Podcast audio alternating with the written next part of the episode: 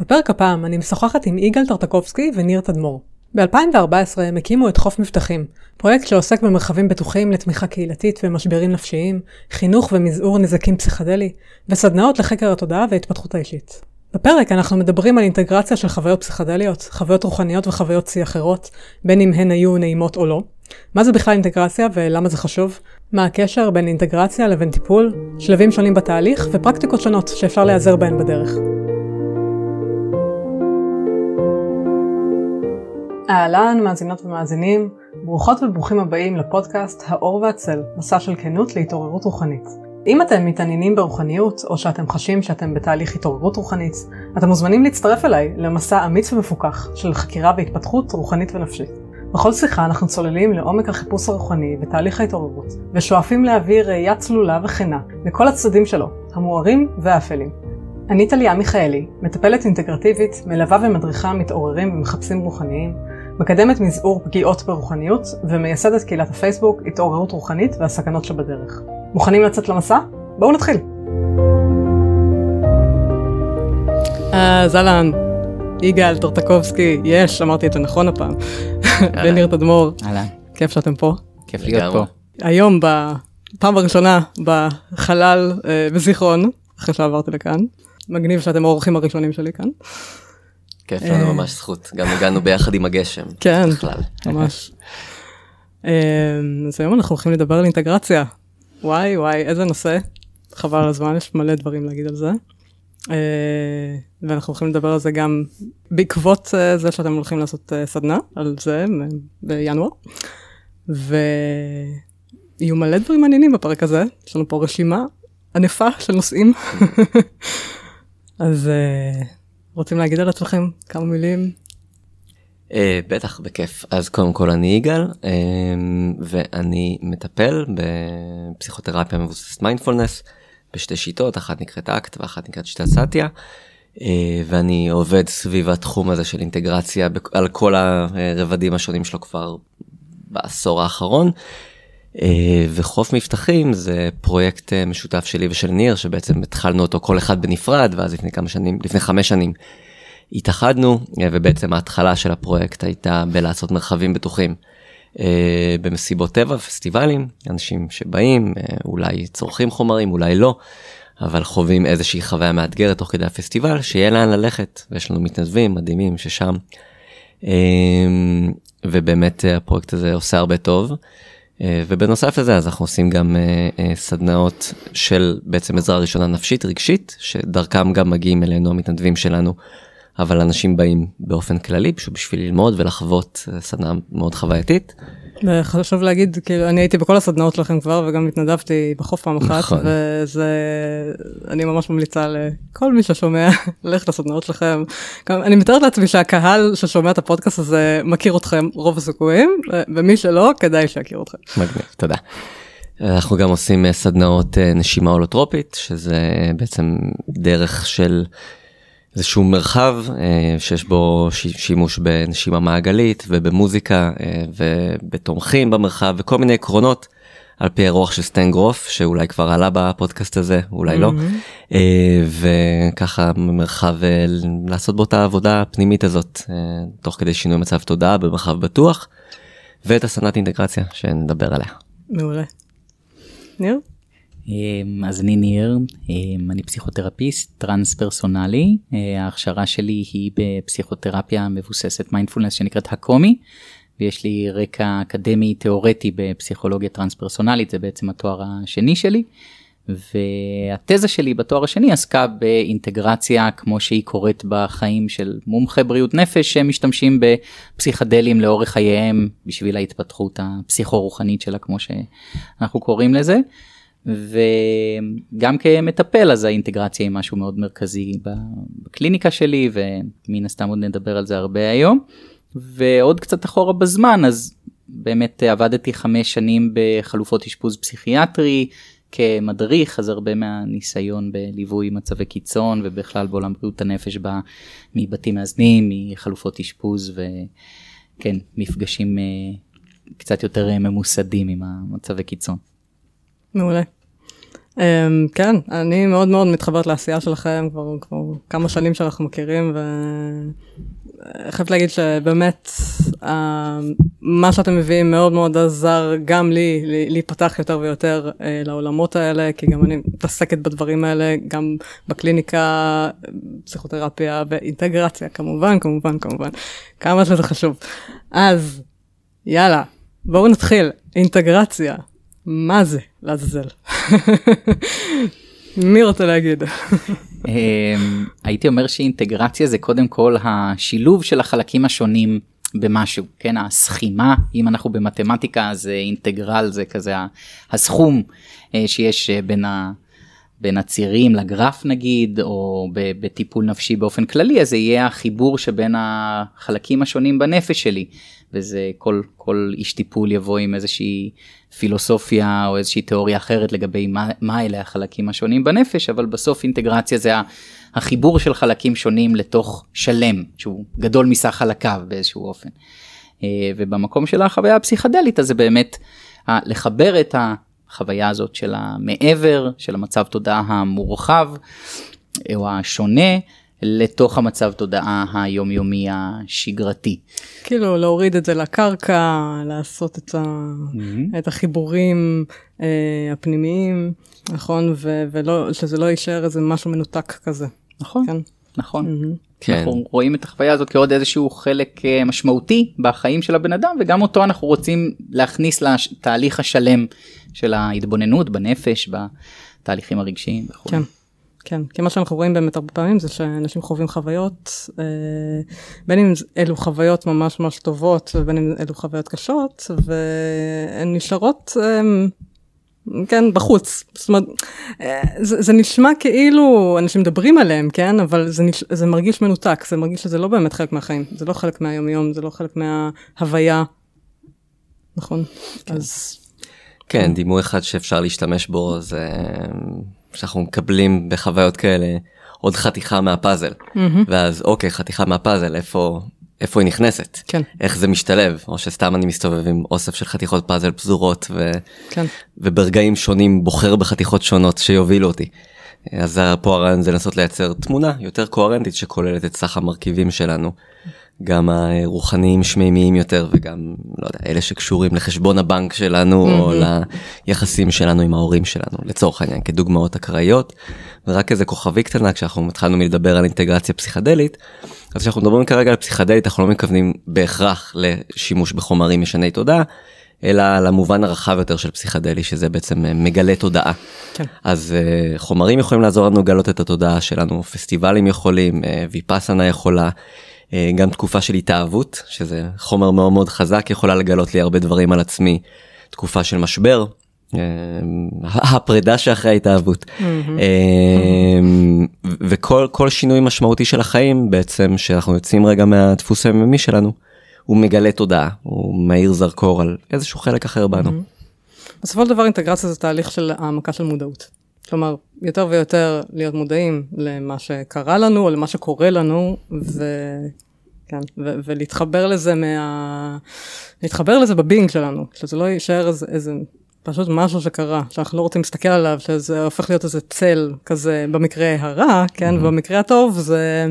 המקרה הטוב הכוונה חוויה טובה, זה כאילו משהו שאנחנו נאחזים בו כזה, כאילו, אמ, לצורך העניין הייתה לי חוויה רוחנית ו- ו- ועכשיו אני כל הזמן רוצה לחזור לשם אבל אבל אני לא באמת חווה את זה ביום יום שלי. כן. למשל. כן אני יכול לתאר אולי קצת אה, ממני שאני בעצם התחלתי את אה, כזה דרכי המקצועית כמתכנת. אה, ואז כזה התחילה לי תקופה של טיולים ובתוך הטיולים כל מיני חוויות רוחניות גיליתי ממדים שונים ודווקא הייתה לי, אה, היה לי סידור לא רע למשך כמה שנים שיכלתי לעבוד חצי משרה בתכנות. אה, ואז לטוס מתי שבא לי ללכת לאיזה סדנה או פסטיבל או מה שלא יהיה הרבה אנשים גם יחסית קינאו בזה מעין כזה וואו איזה יופי הסתדרת.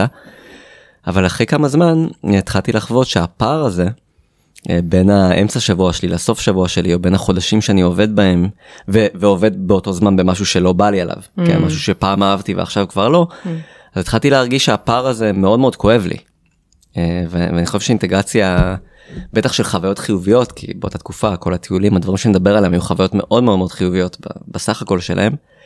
אה, אז העניין עם זה הרבה פעמים זה שהפער נהיה ממש בלתי נסבל. כן. של רגע אני כבר מכיר משהו אחר אז למה אני צריך לבלות את אה, ראשון עד חמישי במשהו שאני לא מתחבר אליו בשביל שישי שבת כן להתחבר.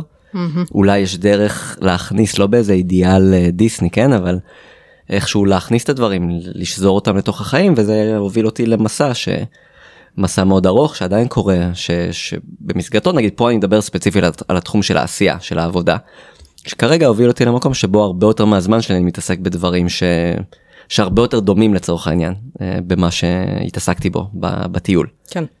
אה, אז זה נגיד סוג אחד של האינטגרציה. כן. אז בואו נדבר באמת על, אמ, קצת אמרנו למה זה, למה זה חשוב כל כך לעשות את התהליך הזה, כדי להעמיק את המודעות בחיים שלנו, נכון? ולהעמיק את הקשר שלנו עם עצמנו, נכון? ש... וזה בא לידי ביטוי בסופו של דבר באיך אנחנו חיים את החיים שלנו אחר כך, כמו שאמרת עכשיו. אמ, בואו נדבר על חוויות, סוגים שונים של חוויות, שחשוב לעשות להם אינטגרציה. זאת אומרת, אמרנו קצת, אה, חוויות טובות, חוויות פחות טובות, אולי רגע נעמיק בזה קצת יותר. אז מן הסתם יש אה, אינסוף חוויות, כמו mm-hmm. שיש אינסוף חוויות בחוויה האנושית, בלי קשר לפסיכדלים. אז עם פסיכדלים זה ככה עוד, עוד מתרחב קצת מעבר ל, ל, לאינסוף היומיומי הרגיל שלנו.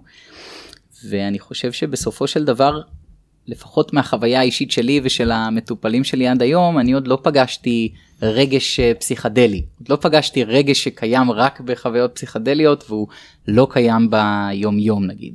לא פגשתי מחשבה שלא קורית, אה, פגשתי בהחלט חוויות רוחניות עוצמתיות שהן לא חלק שגרתי מהיום יום. אבל האינטגרציה היא קודם כל אינטגרציה של מה חוויתי שם, מה, מה המשמעות של החוויה הזאת עבורי. האם החוויה הזאת הייתה מעצימה עבורי או שהיא הייתה מאוד מפחידה ומצמצמת ו... ואני חושב שקודם כל באינטגרציה עוד לפני שמדברים אפילו על רגשות מדברים על מה קרה כן ולפעמים באמת המצבי תודעה האלה בטח ובטח אם יש אלכוהול בתמונה מה אני זוכר מזה הוא הרבה פעמים אה, חלקי. Mm-hmm.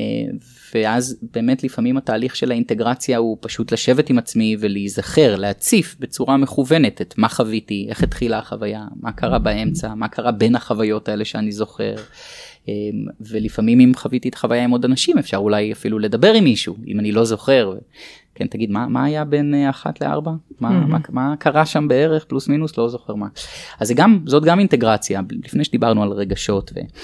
וכשמעמיקים קצת יותר אז אני חושב שאם אה, לצורך העניין מישהו חווה בושה אה, במהלך אה, הטריפ לפעמים הבושה הזאת לא ברור לנו אפילו במהלך הטריפ למה. לפעמים היא לא באה עם איזה זיכרון ספציפי או עם איזה מידע ספציפי לגבי למה אני פשוט חווה את זה באיזושהי צורה מאוד עוצמתית. ואז האינטגרציה לפחות ברמה הרגשית תהיה להתבונן מתי אני חווה בושה בחיים, מה מבייש אותי, כן? איך אני מגיב לזה כשאני חווה בושה, איך אני משתנה בתוך המארג החברתי שאני נמצא בו אם אני מתבייש, כן? ואז להתחיל פשוט לעשות איזשהו, איזושהי התמקדות בבושה, כן? ואז לצורך העניין אם אני רגע יוצא לקונטקסט של הקליניקה, יכול להיות שמישהו יגיע אליי לאבד חוויה פסיכדלית שבה הוא פגש בושה ואז יכול להיות שכמה חודשים נדבר על חוויות של בושה ו- ו- ו- ועל בושה בחיים ובכלל נשאיר את החוויה הפסיכדלית רגע מאחורה. אז האינטגרציה אני אגיד היא יכולה לקבל המון המון המון צורות כן יכול להיות שאחרי חצי שנה של התמקדות ברגש מסוים נחזור לדבר שוב על החוויה ונקבל ממנה עוד יכול להיות שהיא לא תחזור שוב בטיפול והיא תחזור לבן אדם הזה בחיים אחרי זה היא יכולה לקרות בצורה מאוד לא ליניארית. בסופו של דבר זה זה משהו שהוא הרבה מעבר לחוויות אה, פרטניות כלומר. כי, כי מה שאתה מתאר פה זה, זה תכלס, תהליך פסיכותרפי. Mm-hmm. שזה זה מקיף את כל החיים שלנו. כלומר, מהרגע שנולדנו ואפילו לפני, כן, הם מדברים על גרוף, אה, ועד אה, עד הרגע הנוכחי. כן. אה, באמת הכל יכול לעלות שם. אז יכול להיות שחוויות מסוימות מציפות הרבה הרבה הרבה דברים מהלא מודע שלנו, ו, ופתאום אנחנו נתקלים ב... ב המון דברים שאנחנו לא ידענו על קיומם בכלל, שהם חלק מאיתנו, וזה יכול לקרות בעקבות שימוש בפסיכדלים, אבל לא רק. אה, ואז אנחנו כאילו נדרשים לעשות את האינטגרציה הזאת, אבל בתכלס זה תמיד היה שם. פשוט כן. עכשיו, כן, עולה. כן, יש איזה, כמו, אני לא יודע אם זה עיקרון במדע, אבל משהו שקורה הרבה במדע, שפתאום מגיעה איזו תופעה ממש חריגה, שאף פעם לא ראו כמוה, או איזה נזק מוחי מאוד מסוים שנגרם בצורה מסוימת, שהוא כמו מעין לא קשור לכלום, אבל דרכו, הרבה סיפורים של תגליות מדעיות מתחילות מאיזה סיפור נורא מוזר. אה, משהו שלא, בחיים לא ראינו כדוגמתו, ודרך זה הבנו משהו על ה, נגיד, אה, מנגנון פעולה של המוח. כן. אז זה קצת האינטגרציה הזאת של חוויות שיא, זה לפעמים קצת כזה, כאילו חוויתי משהו שהוא עדיין אני, כן, אחרת אני לא הייתי חווה אותו, כן, זה לא שאם שלושתנו אה, נצא לאותה סדנה או ניקח את אותו חומר, עכשיו שלושתנו נחווה את אותה חוויה, זה בחיים לא יקרה. ברור. כל אחד מאיתנו יקבל איזשהו זכוכית מגדלת על איזשהו חלק בו. כן.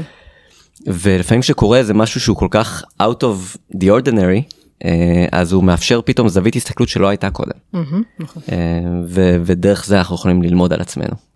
ובאותה מידה, זאת אומרת, החוויות שיא האלה הן באמת יכולות להיות מאוד מאוד טובות, אבל הן גם יכולות להיות מאוד קשות. כן, אז פה אנחנו באמת מדברים מאוד, אה, כאילו באיזה פיצול מאוד מאוד גס כזה, אנחנו מדברים על שתי סוגים של, אה, של אינטגרציה, שאחת מהם זה הסוג האינטגרציה אה, של נקרא לזה אה, חוויות חיוביות, ואנחנו לגמרי לא בעניין של אה, כזה הכל הוא או טוב או רע, וברור שיש מלא מלא גוונים של אור וצל. לגמרי. אה, וגם רע זה לאו דווקא רע, זה יכול כן. להיות קשה, זה יכול להיות כן. כואב, זה לא אומר שזה רע. בדיוק אבל אבל אם אם שנייה כן נעשה את ההפשטה הגסה הזאת אז יש חוויות ש, שסיימתי אותן בטוב כן אפילו אם תוך כדי עברתי דרך איזה משהו כואב אבל אה, למדתי מזה את השיעור ואספתי את זה ו, כן. וסיימתי את החוויה בטוב סיימתי את החוויה באיזושהי תחושה של וואו חוויתי משהו את עצמי מאוד בטוב עם עצמי אולי עם הסביבה חוויתי איזה פוטנציאל שלי להיות משהו כזה יותר קשוב יותר משוחרר יותר חופשי יותר אוהב יותר משהו. אמ, ואז בעצם את האינטגרציה אנחנו נרצה לעשות משם מתוך מקום של אה, אוקיי בוא נראה איך אתה יכול להיות יותר אה, הדברים האלה אה, תוך כדי היומיום אה, במערכות יחסים שלך עם עצמך בעבודה במה שזה לא יהיה. כי כשלא עושים את זה אה, יכול להיווצר הפער המאוד מכאיב הזה כן. ודרך הפער הזה לפעמים נוצרת איזו התמכרות. לאו דווקא התמכרות פיזית. נכון. אבל אם בהודו אה, חוויתי את עצמי הכי טוב שחוויתי את עצמי בחיים אז אני אחזור מהודו אבל אני אחיה את התקופה הקרובה בשביל להרוויח כסף עד שאני אוכל לחזור שוב להודו כי הודו זה העניין. כן. אוקיי אז אז זה קצת הסכנה של לא לעשות אינטגרציה גם של חוויות טובות כי אוקיי חוויות טובות מה יש זה איזה כיף בוא נספר על זה נ, נשמח נתענג נסתכל על התמונות כן. אבל יש פה גם איזה צל שיכול להיווצר דווקא משם מהגעגועים לדבר הזה ואין לי מושג איך להגשים את הדברים האלה לא בהודו או לא תחת השפעת פטריות או לא אה. עם האנשים האלה והאלה והאלה. כאילו החיים נהיים פשוט חסרי משמעות לחלוטין, כל עוד אני לא נמצא ב state of mind הזה שהייתי בו כן, קודם. כן בק, בקצה כמובן כן, כן, אם כן, לוקחים כן. את זה שנייה לקצה. כן. אה, והסוג השני של האינטגרציה אה, זה בעצם יותר האינטגרציה של חוויות שהן יותר קשות שאולי סיימתי אותן לא כל כך בטוב או שפתאום אני מגלה שהחוויה עדיין איתי ומטרידה אותי אני חווה חרדות אחרי אני אה, זה נכנס לי לחלומות אני אני לא בטוב אחרי חוויה. אה, הייתה היא הייתה לי מורכבת. ושם זה, זה סוג קצת שונה כמובן שתמיד הדברים יכולים להתערבב יש להם כל מיני גוונים.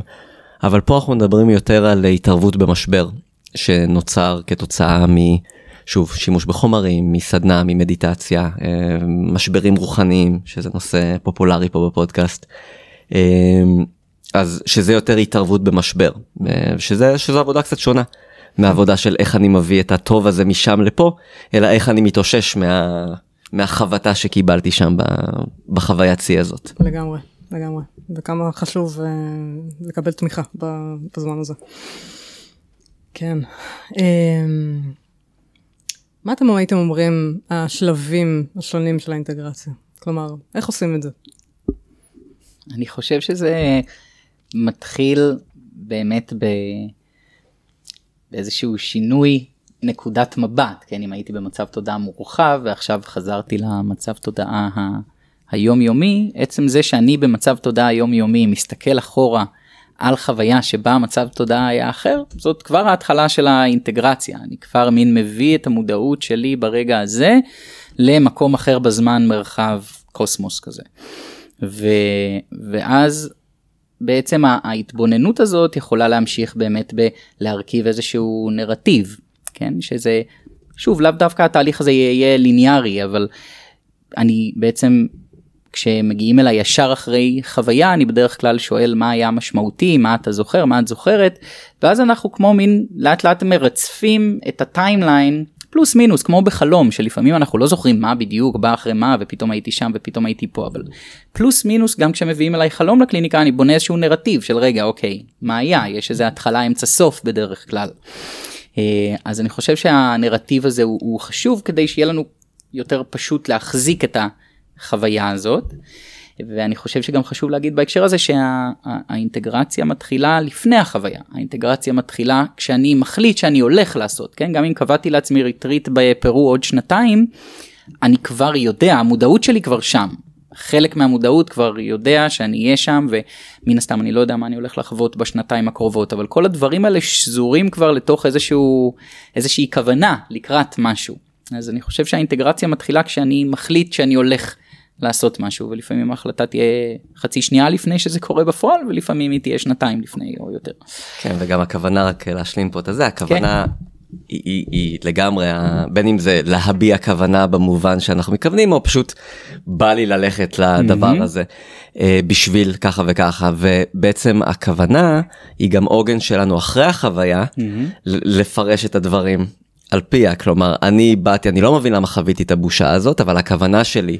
הייתה לראות איך אני יכול אה, להשתחרר ולהיות יותר חופשי ואז המסע הזה הראה לי שאה קשה לי להיות להשתחרר ולהיות יותר חופשי כי יש לי בושה ברגעים כאלה או אחרים mm-hmm. אז הכוונה היא בעצם איזה כמו עוגן כזה שמחבר בין הזמנים. Mm-hmm. כן. זה הזכיר לי מה שאמרת עכשיו הזכיר לי על אה, מישהי שהגיעה אליי לקליניקה והיא היא, היא עשתה טקס אה, בופו כן ובופו זה 5MEO אה, DMT בגדול, כן? זה איזושהי הפרשה של קרפדה מהמדבריות במקסיקו ויש בה מולקולה שמאוד דומה ל-DMT אבל היא קצת אחרת, נקראת 5MEO DMT וזאת חוויה מאוד מאוד מאוד uh, עוצמתית. ו... והיא הגיעה ואמרה שבעצם הייתה לה כוונה uh, לחוות אהבה אינסופית וחופש אינסופי. כן? עכשיו פה זה כבר חתיכת כוונה בומבסטית כן כן ואני קשה לי להאמין שאתה אתה או את לא, לא יוצאים מאוכזבים mm-hmm. מאיזושהי כוונה כזאת mm-hmm. והיא קיוותה שהחלקים העלובים היא אמרה באגו שלה ייעלמו. וואו. אוקיי? וכבר כבר המילה הזאת היא עלובים. נכון, mm, נכון, כן. נכון. לגמרי התייחסתי לזה ואמרתי לה שאני אני חושב ש... כשאנחנו שמים כוונה לשנות משהו במבנים הפנימיים שלנו יכול מאוד להיות שנקבל את זה לפנים מה שנקרא נראה את זה מאוד מאוד מאוד מקרוב כן. אז דווקא במובן מסוים סליחה דילגתי על חלק חשוב שהיא אמרה שמאז הטקס הם נוכחים עוד יותר כן ושאולי היא עשתה איזשהו נזק. וואו. אמרתי שאני חושב שזה בדיוק דווקא סימן שזה עובד כן? ששמת כוונה לשנות משהו את אולי ציפית שזה ייפתר במסגרת הרבע שעה של החוויה אבל בפועל הדברים קצת יותר מורכבים מזה ועכשיו החוויה הזאת אפשרה לך איזשהו זום אין על החוויה הזאת על החלק הזה בנפש שלך ועכשיו יש לך הזדמנות לעבוד איתו. ועכשיו זאת שאלה אם היית רוצה שנדבר במפגש הזה על, על העליבות הזאת שאת מזהה בחלקים מסוימים שאת קוראת להם אגו אבל אולי אולי זה לאו דווקא mm-hmm. הדרך הנכונה להגדיר אותם אה, ואולי כן והיא בחרה לא להגיע לעוד פגישה כן זה היא מבחינתה רצתה לשתף את החוויה. היא אפשר גם כמובן להגיד שאולי היא הרגישה שאני כמטפל לא מתאים לה וזה גם ממש בסדר אבל עצם זה שהיא באה ושיתפה וקיבלה איזשהו שיקוף ושיחה זאת אינטגרציה להגיד שהיא אה, באמת הלכה נקרא לזה לעומק עם תהליך האינטגרציה יכול להיות שאחרי המפגש אבל ברור לנו שהמקום הזה של לחוות תחושה שיש חלקים בנפש שלי שהם עלובים mm. ואני מצפה להיפטר מהם ככה ברבע שעה ברור שזה לא משהו שהולך להיפטר בשלוש ארבע חמש עשר פגישות כן זה משהו מאוד מאוד עמוק. אני חושבת שזה גם משהו שבאמת אה, הרבה אנשים מחפשים גלולת קסם כן mm-hmm. הרבה אנשים עושים פסיכדלים המקום הזה שאני רק אעשה פסיכדלים ואלוהים ינחת עליי mm-hmm. ואני אהיה מואר וזהו. Mm-hmm. אחרי זה כל הצרות שלי בחיים ייפתרו. אני חוויתי את זה בלי בלי פסיכדלים אבל כאילו החוויה הזאת של. הרגשה שבאמת כל הצרות שלי בחיים נגמרו ואז המציאות נחתה עליי עוד פעם, ואה, לא, בעצם לא. ואז כן. רציתי לדבר עם מישהו ולספר לו את כל הדברים האלה כדי שהוא רק יחזיר אותי למקום הזה. זה כל מה שעניין אותי אז. Mm-hmm. אה, ולקח לי זמן, לקח לי הרבה זמן להבין שהמציאות לא עובדת ככה, ושבאמת אי אפשר להיפטר מחלקים בנו. נכון. והעניין הוא נכון. לא להיפטר ממנו, לעשות להם אינטגרציה, מילת כן. המפתח. כן, והפנטזיה של גלולת הקסם היא עתיקה ואפשר, זה יכול להיות על וואטאבר, על פסיכדלים, זה יכול להיות על מדיטציה, זה יכול להיות על כשאני ארוויח ככה וככה כסף. כן. זה לא מאוד שונה. נכון. כן, על לקוות ה... כשהדבר הזה יקרה, אז זהו, די, מספיק. כאילו, אה, כתוביות, מוזיקה רומנטית, אה, רוכבים אל השקיעה, ו... ומפה החיים מושלמים, כן. מכאן והלאה. וזו פנטזיה, אני חושב שלכולנו יש אותה נכון. איפשהו, ו... וזה טוב גם פשוט להיות ערים לזה, ו... ו... וגם להבין שזו פנטזיה. לגמרי, לגמרי, לגמרי. אה, ולכל מיני דברים יש ערך. כן, גם לפסיכדלים, גם למדיטציה, גם לטיפול, גם ללהרוויח הרבה כסף אולי יש ערך. כן. אבל זה מוגבל למה שזה. אני חושבת שהבסיס באינטגרציה באמת כמו שאנחנו מדברים עליו אה, כאן זה, זה החמלה, החמלה לעצמנו, החמלה לחלקים שלנו. ה... לעשות להם אינטגרציה זה בסופו של דבר לעשות את החיבור הזה בין, בין, בינינו לבינם. מה זה בינינו? זה מה שאנחנו חושבים שאנחנו. אם, אם מדברים על, אה, על פרויד זה כאילו להכניס אותם לתוך, ה, לתוך המבנה של, של האגו, mm-hmm. האגו הפסיכולוגי. אה, אה, כן, אז אם אני רגע חוזר לשאלה שאני הסטתי אותנו ממנה של השלבים אז ניר דיבר על ה sense making הראשון בכלל על הנרטיב מה מה קרה. ואז מדברים על זה אה אוקיי אז אנחנו מדברים על בושה אנחנו מדברים על זה או דבר כזה או אחר. אה, ואז באמת אה, יש את המקום שזה זה כמובן נורא תלוי מה הבקשה של הבן אדם שמגיע לעשות אינטגרציה אבל אני מדבר על זה באופן כללי. אה, אז יש את המפגש בין זה לבין תחומי החיים שלי נגיד הבנתי שהבושה היא זאת שמפריעה לי או לחילופין הבנתי שהקשיבות והפתיחות זה מה שעוזר לי. ועכשיו בוא נתחיל לדבר על זה בוא נתחיל לדבר אוקיי אז פה ופה ופה אני מצליח להיות קשוב ופתוח. כי ככה וככה וככה החברים האלה מהדהד לי ככה.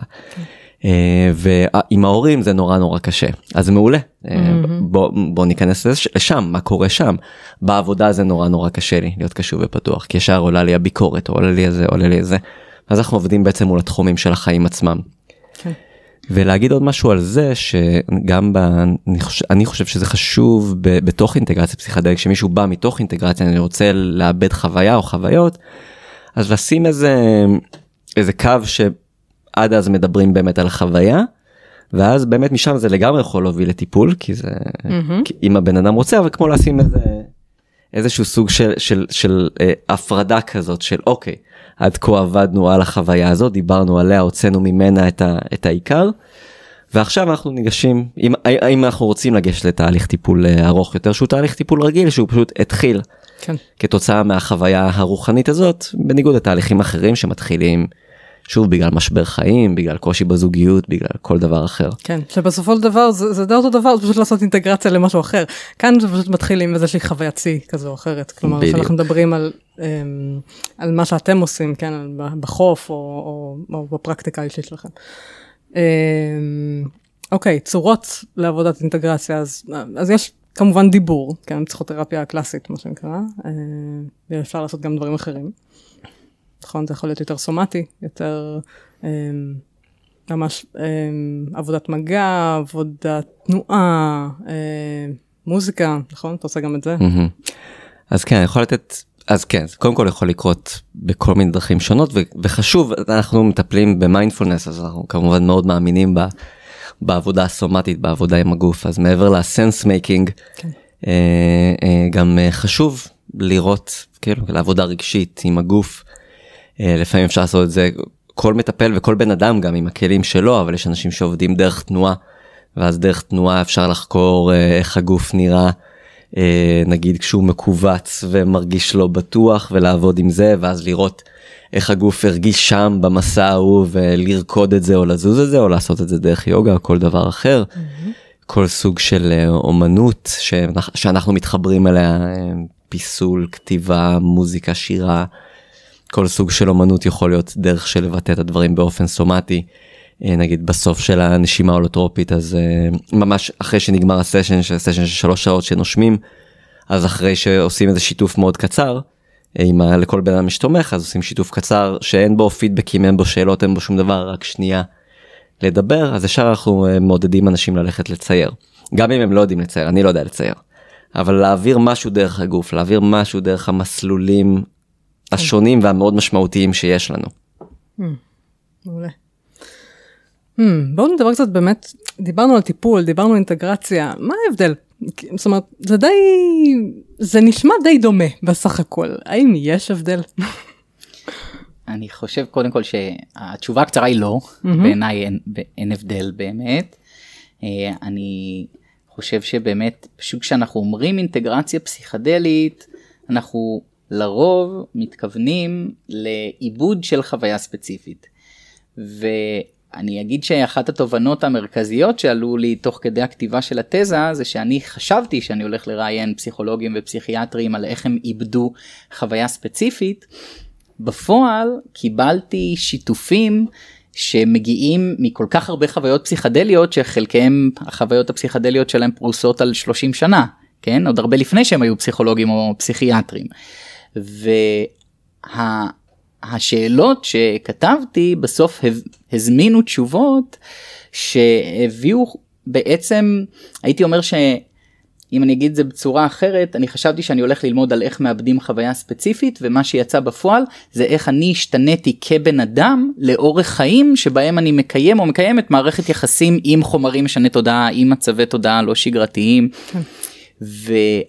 בסוף אינטגרציה זה תהליך אינסופי, mm-hmm. כן? הוא מתחיל כשהחלטתי שאני הולך לעשות משהו והוא לא נגמר אף פעם, כן? כמו תהליך ההתעוררות, כמו תהליך העמקה כן. של המודעות, כן. כמו התהליך של, כן, התפתחות כן. בעצם.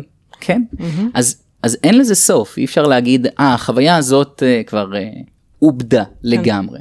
Um, ואני חושב שבאמת כשאנחנו בדרך כלל אומרים אינטגרציה פסיכדלית אנחנו מתכוונים לאיזושהי תקופה של זמן מה אחרי trip שאני מין מאבד את מה שהיה. וכמו שיגאל אמר זה לפעמים סביב חוויה מאוד קשה ואיך לחזור לתפקד ולחזור לשגרה לפעמים זה כמו להבין איך אני מביא קצת את האיכויות יותר ליום יום. אבל בסופו של דבר אנחנו בוחרים כמה אנחנו going down with the rabbit hole. כן. כן ואני חושב שבסוף חוויות פסיכדליות לרוב הם סוג של rabbit hole שאנחנו יכולים להחליט כמה אנחנו זורמים איתו. ו... כמו שאמרתי קודם יכול להיות שצף איזשהו רגש שעכשיו אני שנים אתבונן בו ושוב באותו לופ ואחזור ואטעה ואגלה מחדש ו, ו, והמון המון דברים התהליך הזה שוב הוא לא הוא לא ליניארי כן. אז אני חושב ש... אחד הדברים שחשוב לזכור פה זה שהכלים שה- המקצועיים שצריך כדי ללוות מישהו בתהליך אינטגרציה פסיכדלית הם אותם כלים של פסיכותרפיסט. Mm-hmm. אני אגיד את זה אפילו בצורה יותר ברורה בעיניי כדי ללוות אנשים בתהליכים של אינטגרציה פסיכדלית חובה להיות פסיכותרפיסט mm-hmm. כי ללוות אנשים בתהליכים של אינטגרציה פסיכדלית לאורך זמן ועם הרבה אנשים בהכרח אומר לפגוש חוויות טראומטיות כן. ולפגוש חוויות טראומטיות של אנשים שנמצאים במצב מאוד מאוד מאוד רגיש ולרצות לעשות טוב ופשוט להגיד משהו מאוד לא רגיש כן. זה יכול להיות חוויה טראומטית בפני עצמה שמקשה מאוד מאוד מאוד על התהליך הזה כן. של ה... של האינטגרציה. טראומה משנית בעצם. כן, mm-hmm. ואני יכול uh, להגיד, זה, אני יכול להגיד שבעצם uh, הגיעו אליי כבר אנשים שאחרי החוויה הפסיכדלית הלכו לאיש שהציג את עצמו כ... כן, איש מקצוע מומחה לאינטגרציה פסיכדלית וכולי, והם שמעו איזשהו שיתוף אישי מהאיש מקצוע הזה שפשוט היה מאוד מאוד לא במקום, כן, mm. מידע מיותר לחלוטין לתהליך שלהם שרק גרם להם לפחד יותר, לדאוג יותר, להרגיש עוד יותר לבד, כי גם המומחה הזה גרם לי להרגיש לבד, oh. ואני חושב ש... באמת מצד אחד אינטגרציה היא משהו מאוד יומיומי ופשוט ולדבר עם חברים שלך ולשמוע את השירים מהטקס ולצייר את איך שהרגשת זאת אינטגרציה ואתה לא צריך איש מקצוע בשביל זה. כן. ומצד שני לשים את האמון אצל מישהו אחר ולתת לו להוביל אותך ולבקש ממנו בעצם איזשהו אינפוט אולי ועזרה בהרכבה של השזירה הזאת של החוויה הזאת לתוך החיים. אני חושב שזה כדאי שזה יהיה מישהו שיש לו כלים של פסיכותרפיסט. לגמרי, לגמרי. אה, היו שני דברים שרציתי להגיד באמת בהקשר לכל מה שאמרת עכשיו, זה שאני חושבת שהרבה אנשים לא מבינים באמת מה המהות של אינטגרציה, כלומר, לצורך העניין, הם מגיעים למעגל אינטגרציה, אחרי חוויה שהייתה להם, ומשתפים נגיד במעגל בערב הראשון, ואז, או במפגש הראשון, ואז הם חוזרים ואומרים, אבל לא עשיתי עוד חוויה פסיכדלית מאז, אין לי מה לשתף יותר. אז זה בעצם העניין של להבין ש... אוקיי, רגע, יש, יש עוד הרבה מה לדלות מתחת למה שכבר שיתפת, זאת אומרת, וגם בתוך מה ששיתפת יש עוד מלא מה אה, להעמיק בזה. אה, אז זה לא שאמורים לעשות חוויה על כל, על כל סשן. יש אינטגרציה כן? פר חוויה. בדיוק, okay. אוקיי. כן, זה לא עובד ככה. אני, אני חושב שאמרת קודם משהו מאוד חשוב שחשוב לי להוסיף על, על הטראומה המשנית, שבעצם כן. יש פה משהו גם אני אקרא לזה מסוכן ב, בללוות אנשים בתהליך אינטגרציה שלך עצמך אין את הכלים לשמור על עצמך כי אתה חושב נכון. שאני הולך לדבר עם החברה הזאת על הטריפ הזה שהיה לה ובפועל פתאום היא משתפת אותי בחוויה מאוד מאוד מאוד קשה וטראומטית מהעבר שלה ומה זה עושה לי כן, כן. איך אני כמישהו שמלווה אנשים בכלל מתמודד עם ה... עם החוויות הטראומטיות האלה וזה זאת בעצמה יכולה להיות להפוך להיות חוויה טראומטית במקרים מסוימים. כן אז באמת הדבר השני שרציתי אה, להמשיך אה, מקודם זה שאני מסכימה איתך שממש ממש חשוב לעשות תהליכים כאלה אה, עם פסיכותרפיסט שיש לו הכשרה. אה, ו- ומכיר לעומק גם אה, עבודה עם טראומה. Mm-hmm. כי באמת, המון דברים יכולים לצוף שם, mm-hmm. זאת אומרת, אני חושבת שיש זילות קצת בתחום הזה. גם בכל מה שקשור לפסיכדלים וגם בכל מה שקשור לאינטגרציה וכל מה שקשור לליווי מסעות. Um, התחום הזה מאוד פרוץ, וכן, ו- ואני חושבת שזה חשוב להנכיח את זה, mm-hmm. כמה שזה חשוב לעשות uh, דברים כאלה באמת uh, בצורה uh, מקצועית. כן, אני רוצה להגיד עוד משהו על מעגלי אינטגרציה שזה דבר יפה וזה גם יש בזה משהו שיתרון נורא גדול בלעשות אינטגרציה עם איש מקצוע מנוסה וכל זה אבל גם יש משהו מאוד יפה גם בגלל זה אנחנו עושים סדנה במרחב קהילתי כן שאנחנו שומעים מאוד אנשים מאוד חוויות ופרספקטיבות שונות ובדרך כלל קבוצות שמתקבצות לא סתם מתקבצות ויש לנו הרבה מה ללמוד גם מאנשים ש... שאנחנו לא בטוחים לגבי זה אבל גם זה מאוד חשוב שיחזיק איש מקצוע שיודע להרגיש את הרגישות כן. של הדבר כלומר נגיד אחד הדברים שאנחנו מדברים עליהם ב... בליווי של מצבי קיצור מה שאנחנו עושים נגיד בחוף. זה את החשיבות המאוד מאוד גדולה של אה, של לא להתערב בתכנים של שאדם מביא כשהוא במצב רגיש וגם לא להוסיף תכנים של עצמך כלומר מישהו בא והוא נורא נורא אה, סובל ואז אני מתחיל אה, לחפור לו על הבודה. Mm-hmm. הבודה זה אחלה ואם מישהו בא אליי כמורה למדיטציה אני לא אבל או כחבר גם ובא לנו לדבר על בודהיזם מדהים איזה יופי אבל בן אדם במצוקה בא משתף משהו ואני מתחיל לתת לו את המשנה הבודהיסטית הקבלית הדתית הקפיטליסטית הלא משנה מה שלי.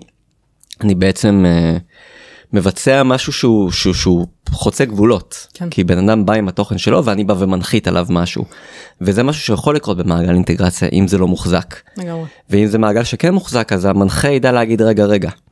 Uh, אולי בלי, בלי הפידבק הזה בן אדם כן. במצב רגיש אולי אנחנו נוגעים במשהו עכשיו וצריך לווסת את המרחב אז חשוב anyway כשנוגעים בדברים האלה וגם כשאנחנו באים לשתף חברים לצורך העניין כן לא הכל חייב להיות uh, אצל אנשי מקצוע mm-hmm. אבל גם החשיבות שאם אני בא לשתף חוויה נורא רגישה עם חבר אולי טוב שאני אשאל את עצמי אם החבר הזה באמת קשוב.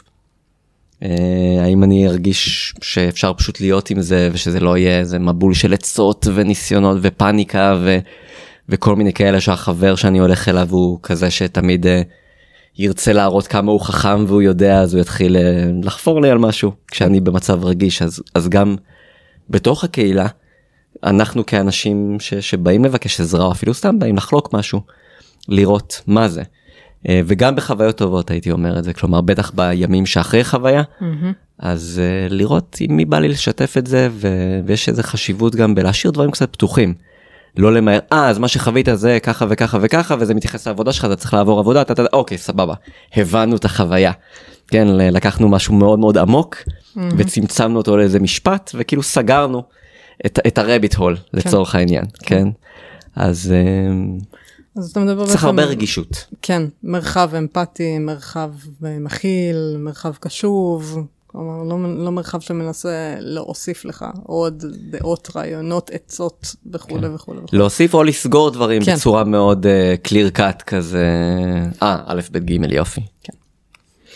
האמת שעולה לי מילה buzzword אה, רצינית אה, שרצה זה ריפוי מהמם.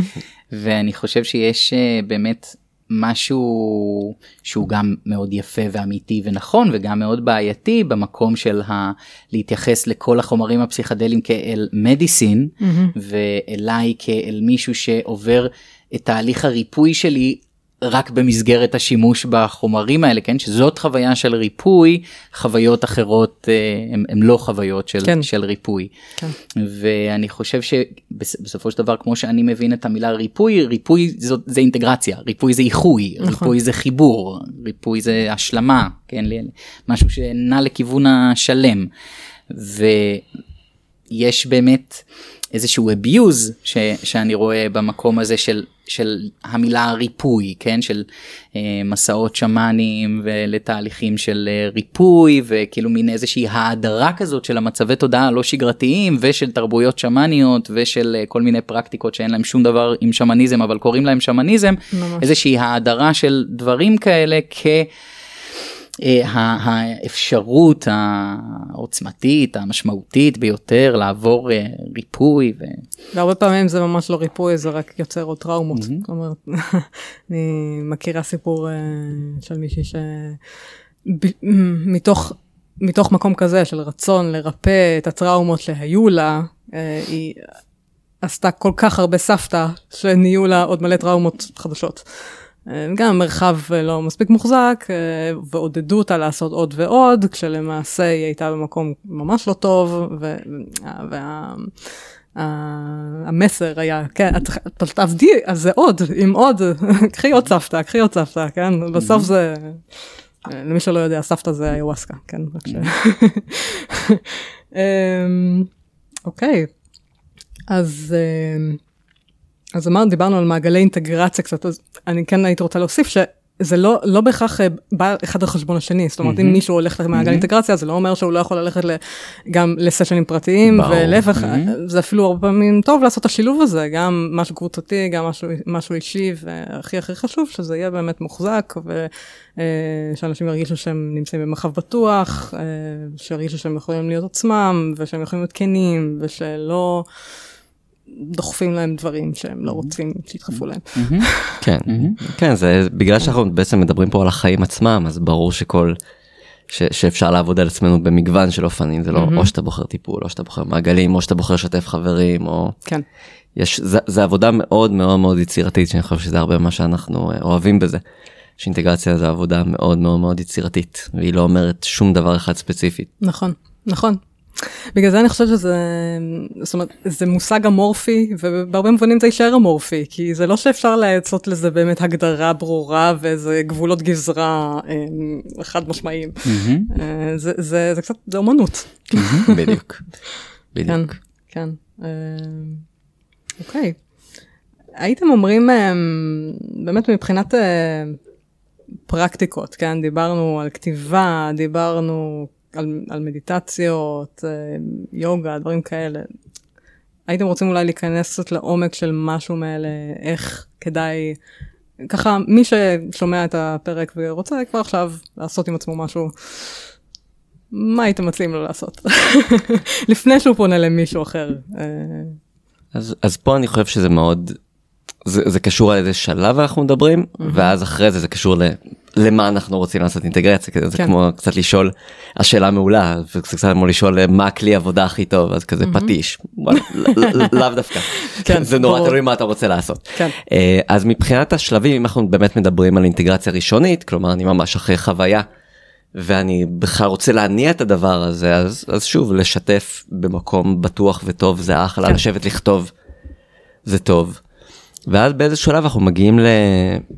לאיזושהי הבנה של למה אנחנו רוצים לעשות אינטגרציה שוב אם אנחנו מדברים על. אה, על החופש שלי אוקיי ואז אה, ב- ב- בפסטיבל גיליתי את החופש שלי דרך ריקוד.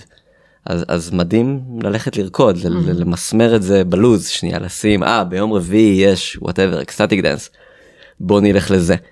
אמ, הכלים הם, הם בהתאמה לדבר שאנחנו רוצים לעשות אם זה אם הבנתי במסע ש, שזה בכלל העבודה שלי עם הגוף והנשימה ותקיעויות ודברים אז ו- ואני אוהב יוגה או, או, או לא ניסיתי יוגה ומסקרן אותי אז אני אלך לעשות יוגה. זה פשוט מאוד מאוד תלוי ב, במה האיכות כן. שאנחנו רוצים לעבוד עליהן בעצמנו ואז לראות מה הכלי שמתאים עבורי עבור הדבר הזה. כן. אז שוב ושוב זה תמיד חוזר להקשבה לעצמנו, מה נכון לנו עכשיו, מה יכול לשרת אותנו הכי טוב, מה יכול, כאילו, כן. כן, מה, מה עוד יכול לפתוח. וגם לזכור את ה... שיש איזה חלון זמן כזה, שוב אנחנו מדברים על חוויות אה, חיוביות לצורך העניין. יש איזה חלון זמן שהוא פתוח כרגע שאני עוד תחת ההשפעה שלי, אני לא מדבר על השפעת אה, שמונה שעות השפעה של חומר, אני מדבר על... אני עדיין בהשראה של זה. כן, כמה ימים אחרי, ככה. כן, נכון? אה, זה, זה גם נורא תלוי איך אני כן. זה, אם, אם יום אחרי שזה גם משהו שהוא מאוד חשוב, לצורך העניין קבעתי, אה, עברתי פסטיבל שישי שבת ויום ראשון אני ביום עבודה קרחנה באיזה תחום אה, מאוד לא קשור לדבר הזה, יכול להיות שהחלון שלי ייסגר שם, כן, כי ישר נכנס לי סטרס, עניינים, טלפונים, מי יזכור בכלל שהייתי על ענן בשישי שבת, כן. אז גם גם זה דבר חשוב לזכור. שאם אני רוצה להפיק את המקסימום מהחוויות האלה כמה שיותר זמן להשאיר את זה פתוח זה טוב כן. ולזכור שבחלון הזה יש לנו אפשרות לעשות את ההשפעה כי יכול להיות שאם אני לא אשים ביומן את ה... אה, לא משנה את היוגה ברביעי הזה אה, אז יכול להיות שאני עוד יומיים אני אהיה בן אדם אחר כן, ואני אשכח מזה. כן, אולי זה בדיוק הזמן אה, לא יודע אם אני מצייר לצייר ציור שמזכיר לי איזה מהות ולשים את זה על הקיר כי או לא יודע לקנות ציור. אה, למצוא למצוא דרכים איך קצת למסמר למציאות הפיזית איזה אני הרבה פעמים חוזר אחרי משהו משמעותי הביתה ואני מחפש בבית איזה שינוי קטן אני יכול לעשות וזה יכול להיות משהו לא יודע vibe אומנותי. זה יכול להיות אוקיי המזרון יוגה עבר מהחדר מאחורי הארון הוא בסלון עכשיו. אהה. הנה עכשיו המזרון יוגה ב- בסלון. אולי בשלישי בבוקר אני אסתכל עליו אה נכון נכון יגאל של יום ראשון אחרי החוויה המדהימה ממש רצה לעשות את זה. לא בא לי עכשיו אבל אני כן. אני אזרום שנייה עם יגאל של יום ראשון כן. וכל דבר קטן במציאות הפיזית שאני אעשה יעז, יכול לעזור. זהו, אז אה, דגש על, על קטן גם, כי אני חושבת שחשוב ל, אמ, לציין את זה שלפעמים תוך כדי חוויות כאלה יכולות להיות, להיות לנו מין אמ, תובנות גדולות כאלה, אני חייב להתפטר מהעבודה ולנסוע לחו"ל ו whatever, לא משנה. אז אולי בימים הראשונים, שבועיים הראשונים אפילו, לא כדאי לעשות החלטות גדולות מדי, לעשות, לא לעשות אה, צעדים דרסטיים, אבל כן לעשות איזשהו, אפשר לרשום את זה לעצמנו, אפשר לדבר על זה עם מישהו, אה, אבל להמתין עם החלטות גדולות.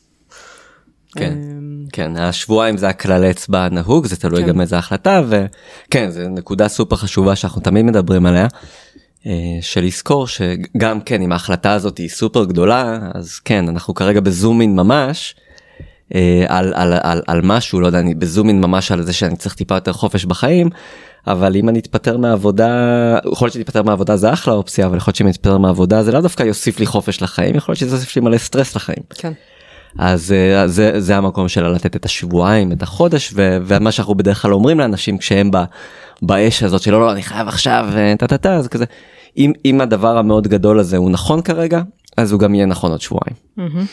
כן. ואז באמת התהליך יתחיל של אוקיי, איך אני עושה את זה בצורה שהיא אה, כמה שיותר הרמונית עם החיים שלי.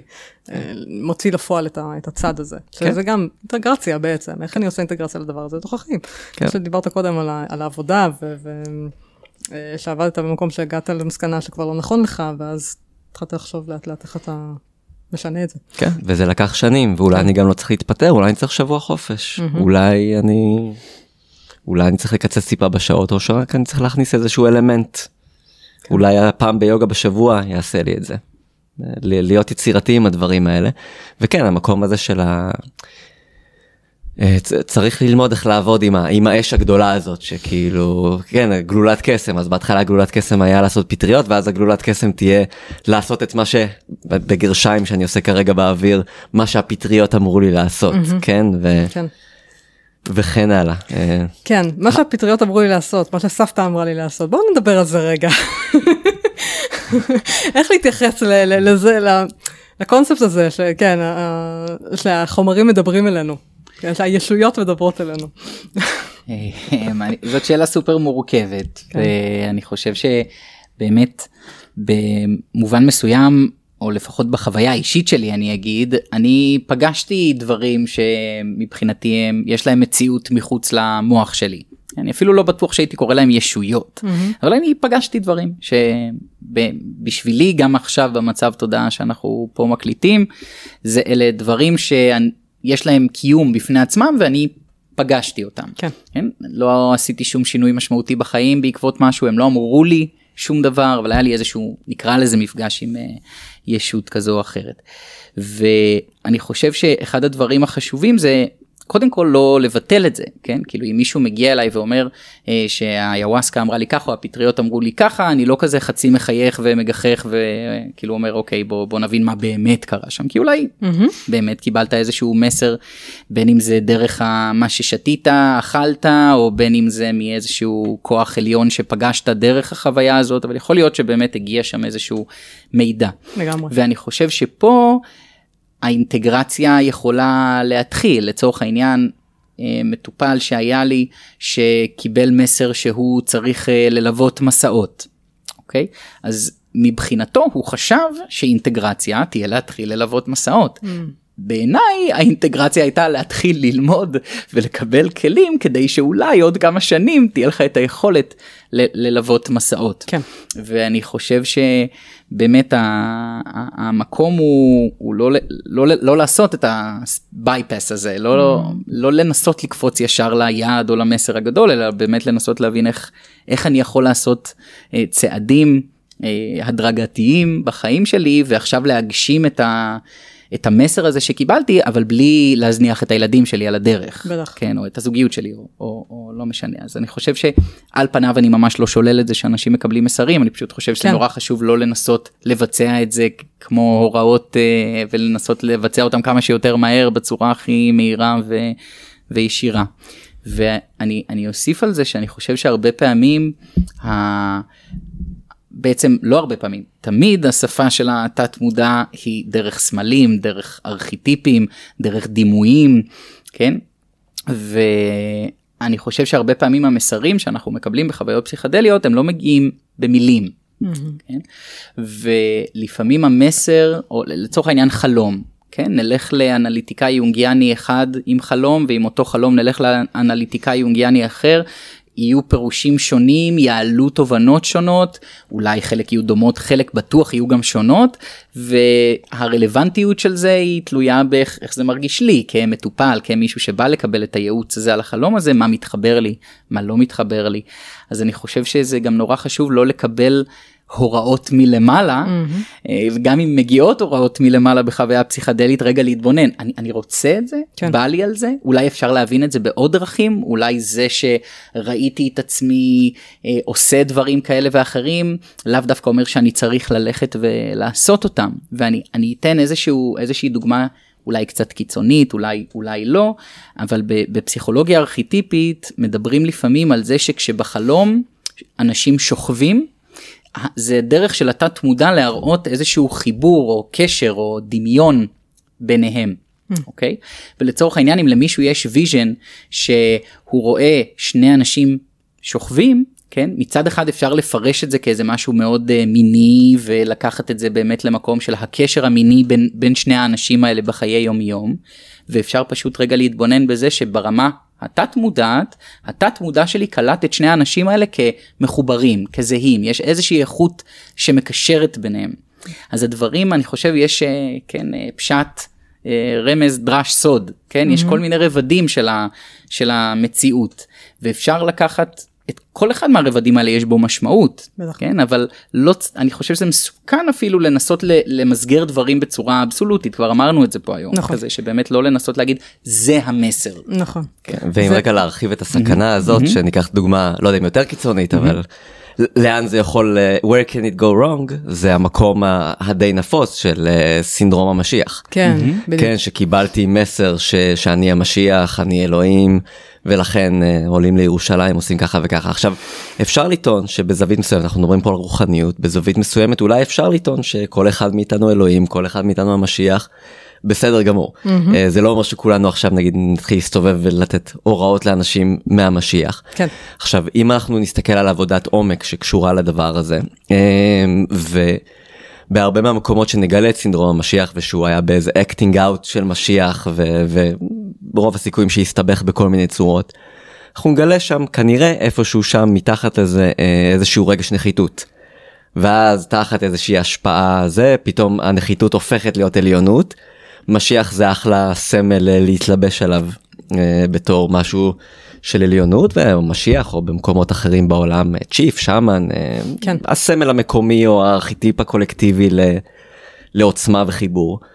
אה, ואז וזו בעצם האינטגרציה כלומר יכול להיות שבמסע הזה גם גיליתי שיש בי איזשהו חלקיק אלוהי או כל אחד ישתמש בשפה שלו וזה גם נכון ויכול להיות שהרגש נחיתות שלי גרם ל mind שלי להזניק את זה ליאללה אני אלוהים יאללה אני המשיח ומשם אולי להרוס את החיים שלי ואולי גם לגרום נזק לאנשים אחרים אולי. כן. אה, וזו האינטגרציה זה לראות גם את החתיכה הזאת וגם את החתיכה הזאת אולי אפילו מעניין לדעת מה היה קרה בחמש דקות לפני שקיבלתי את המסר הזה שאני המשיח אולי באמת ברגע הזה הרגשתי כאב כל כך גדול והרגשתי כל כך קטן שהדבר הזה היה פתאום חייב להגיע. Mm. ובאינטגרציה של הדברים אפשר לראות גם וגם וגם וגם ולא לבטל שום דבר מצד אחד וגם לא לרוץ על שום דבר באמוק. לגמרי לגמרי. אני חושב שבאמת אה, העניין עם ה... הם, הם אמרו לי, כן, החומרים אמרו לי, הפטריות אמרו לי, הווסקה אמרה לי, ווטאבר. זאת אומרת, אני בטח לא, אה, לא אפסול את זה כשמישהו אה, בא ואומר לי, בדיוק כמו שאני לא אפסול את זה שמישהו אמר שהוא תקשר יש, ישות כלשהי, כן, mm-hmm. זה היינו אח, זה אותו דבר mm-hmm. אה, בחוויה שלי, בכל אופן. ו... כי זה קרה לי גם כן, כן, היווסקה דיברה אליי, וואטאבר, תקשור, לא משנה מה שזה לא יהיה, אבל העניין הוא כאן זה האם אנחנו לוקחים אחריות על מה שמגיע ועל מה שאנחנו עושים עם זה. כי אם אני נכנסת למקום של איווסקה אמרה לי לעשות ככה וככה, כן, סבתא אמרה לי אה, להתפטר מהעבודה ולכן אני מתפטרת, אז איפה האחריות שלי פה בעצם? נכון. אה, אז אני חושבת שזה הדבר הכי משהו מאוד מאוד משמעותי אה, לקחת אותו בחשבון כאילו כן לא להיות בדוגמה הזאת זה שמסר הגיע זה לא אומר שזה בהכרח אמת מוחלטת mm-hmm. עדיין צריך לשקלל את זה עם כל שאר המשתנים אה, בחיים שלנו. וזה בטח לא אומר שאנחנו טובים יותר ממישהו אחר. אפרופו סינדרום המשיח. בדיוק. אוקיי אה, כן זה שזה משהו שהוא באמת אה, מאוד מאוד רווח גם אה, באמת בלי קשר לחומרים אה, מורים רוחניים כן כל העניין של אגו רוחני זה משהו מאוד מאוד נפוץ אני לא מדברת כמובן על כל המורים הרוחניים, אני מדברת על מורים רוחניים ספציפיים שיש להם אגו רוחני מאוד גדול, וש... טוב, יצא לנו לדבר על זה פה בפודקאסט כבר לא מעט פעמים, כתות וכולי, וזה עוד ממשיך ומעמיק. וזו באמת יכולה להיות תוצאה של חוסר אינטגרציה, כן. כלומר של הרצון הזה להיות בחוויה העוצמתית, הסוחפת שוב ושוב ושוב ושוב ושוב, בלי לעשות את ה... את כל סוגי העבודה שיש שם ושם כן מעקפים מוכנים אגו רכוני התפתחו כאילו התנפחות כן. של דברים. ומלא פיצולים. רואים את הפיצול כן. הכל כך עמוק שם. כי, כי באמת בגלל שהנפש שלנו מורכבת מחלקים, אנחנו, אנחנו מורכבים ממלא מלא מלא חלקים, אז חלקים מסוימים בנו יכולים להיות יותר uh, באינטגרציה עם השלם, או יותר, uh, נקרא לזה so called מוארים או ערים, וחלקים אחרים יכולים להיות מאוד מאוד מאוד בצל, חשוכים, uh, בלא מודע שלנו, ו, ואז, והם יוצאים החוצה בסיטואציות נורא ספציפיות. אז, אז uh, רוב הזמן, um, מורה כזה או אחר יכול להיות אה, אחלה, כן, ו- ולהראות אה, כמה שהוא אוהב ו- ואכפתי ו- וכולי וכולי, ו- אז, אז במצבים אחרים, דווקא במעגל הקטן שלו, אה, פתאום יצא שם, יצאו שם כל מיני שדים שלא יבואו לידי, לידי ביטוי במקומות אחרים. אה, זהו, זה ככה side note, כן, אנחנו קצת... אה, לא, אבל זה side כן. note, אבל הוא ממש חלק, מה, חלק מהנושא. לגמרי. זה, זה בדיוק הסיבות שאנחנו רוצים לעשות אינטגרציה. כן. ו... בשביל, בשביל שלא יתפתחו לנו הדברים האלה בצללים, אלא שאנחנו נראה אותם. בדיוק, ואני אומרת את זה כי זה באמת נוגע לכל אחד מאיתנו. לכל אחד מאיתנו יש צללים כאלה, דברים שיוצאים בסיטואציות מסוימות, אבל שאר הזמן לא, בטח לא כשאנחנו אה, מתנהלים ביום יום בח, בחברה ושמים על עצמנו את המסכות, כן? אה, הפרסונה שלנו. אה, אבל זה יוצא במקומות אחרים, ואז לפעמים בחוויות שיא כאלה זה יבוא ביג טיים. נכון. אוקיי, אמ, כן, אז אולי באמת אה, זה, זה מביא אותנו לסכנה שבלא לעשות אינטגרציה, שזה די גם מה שאמרנו עכשיו, הסכנה שבלהתעלם מחלקים בנו, שאנחנו לא רוצים להכיר בהם, להתכחש לדברים, להדחיק דברים. אה, זה פוגע בנו, פוגע באנשים שקרובים אלינו, פוגע באיך שאנחנו רוצים לחיות את החיים שלנו. כן, ויש גם את הסכנה של לא לעשות אינטגרציה ו... וכמו לחזור לחיים הרגילים שזה נגיד אני הפרויקט שלי לפני אה, חוף מבטחים היה נחיתה רכה. ואז בעצם זה היה עבודה עם אנשים אחרי אה, אחרי הודו דרום אמריקה הטיול הגדול הטיולים הגדולים. כן וכמה חשוב לעשות גם לזה אינטגרציה. בדיוק אה, כי, כי זה גם זה חוויית שיא ואנחנו פוגשים את עצמנו לאורך זמן בכל מיני סיטואציות ובתוכם בטוח יהיה גם חוויות קסומות וחוויות קשוחות והכל. כן. אז אז יש את שוב את האינטגרציה של איך אני מביא את זה ליום יום יש את האינטגרציה של אה, חטפתי כאפה ואני כזה צריך מישהו שיעזור לי להתאושש. ומה שקורה לרוב האנשים כי גם רוב האנשים בארץ מטיילים ונסעו לאיזה הודו או דרום אמריקה זה שהם חוו את עצמם חוו קסם בעולם חוו איזה קסם בעצמם ואז חזרו חזרה ולא הבינו מה עושים עם זה פה כי צריך להירשם ללימודים אוקיי צריך להתפרנס ההורים אה, ופתאום הודו מתחילה להיראות כמו איזה חלום שחלמתי שאני אפילו לא בטוח ש, שהוא אמיתי. ו, וקצת לאורך החיים כאילו אני, אני כן קיבלתי את המתנה הזאת אבל אני היא בבוידם ויש משהו ש, שמציק מבפנים בחוויה הזאת כלומר אני יודע שמשהו אחר אפשרי אבל כמו שמתי את זה חזרה במגירה זה כנראה לא מסוכן ברמה שזה הולך להפוך להיות איזה משבר uh, מאוד גדול יכול אבל אולי זה יהיה משבר גיל 40 שלי mm-hmm. אבל אפילו אם זה לא נהיה משבר או איזה משהו כזה סופר לאוד אבל יש פה איזה משהו גיליתי משהו שבאותו רגע נראה לי הדבר הכי חשוב בעולם. ואז אמרתי טה עזוב זה שטויות וכולם אמרו לי אה, עזוב זה שטויות כל בסדר בהודו יופי עשית את האחרי צבא שלך תחזור ו- ויכול להיווצר שם איזשהו תסכול כן. שעולה כי, כי כי אנחנו לא באמת יכולים לשכוח מהדברים האלה שחווינו. אז זה גם במובן אז, אז בצד האחד זה ההתעלמות וההדחקה וכזה עזוב זה השטויות על משהו סופר חשוב ויש בך פתאום איזה צד בפנים שאומר רגע רגע מה פתאום. זה לא השטויות אני זוכר זה הייתי שם זה היה מדהים. כן אז בצד אחד זה הדחקה של זה ובצד השני זה הרדיפה האינסופית אחרי זה. אה, בזמנו כשהיינו כלומר הרצון לחזור להודו שוב ושוב ושוב שאין בזה שום דבר רע אני עשיתי לא מעט טיולים. אה, השאלה היא כמה פער יש בין זה לבין היומיום.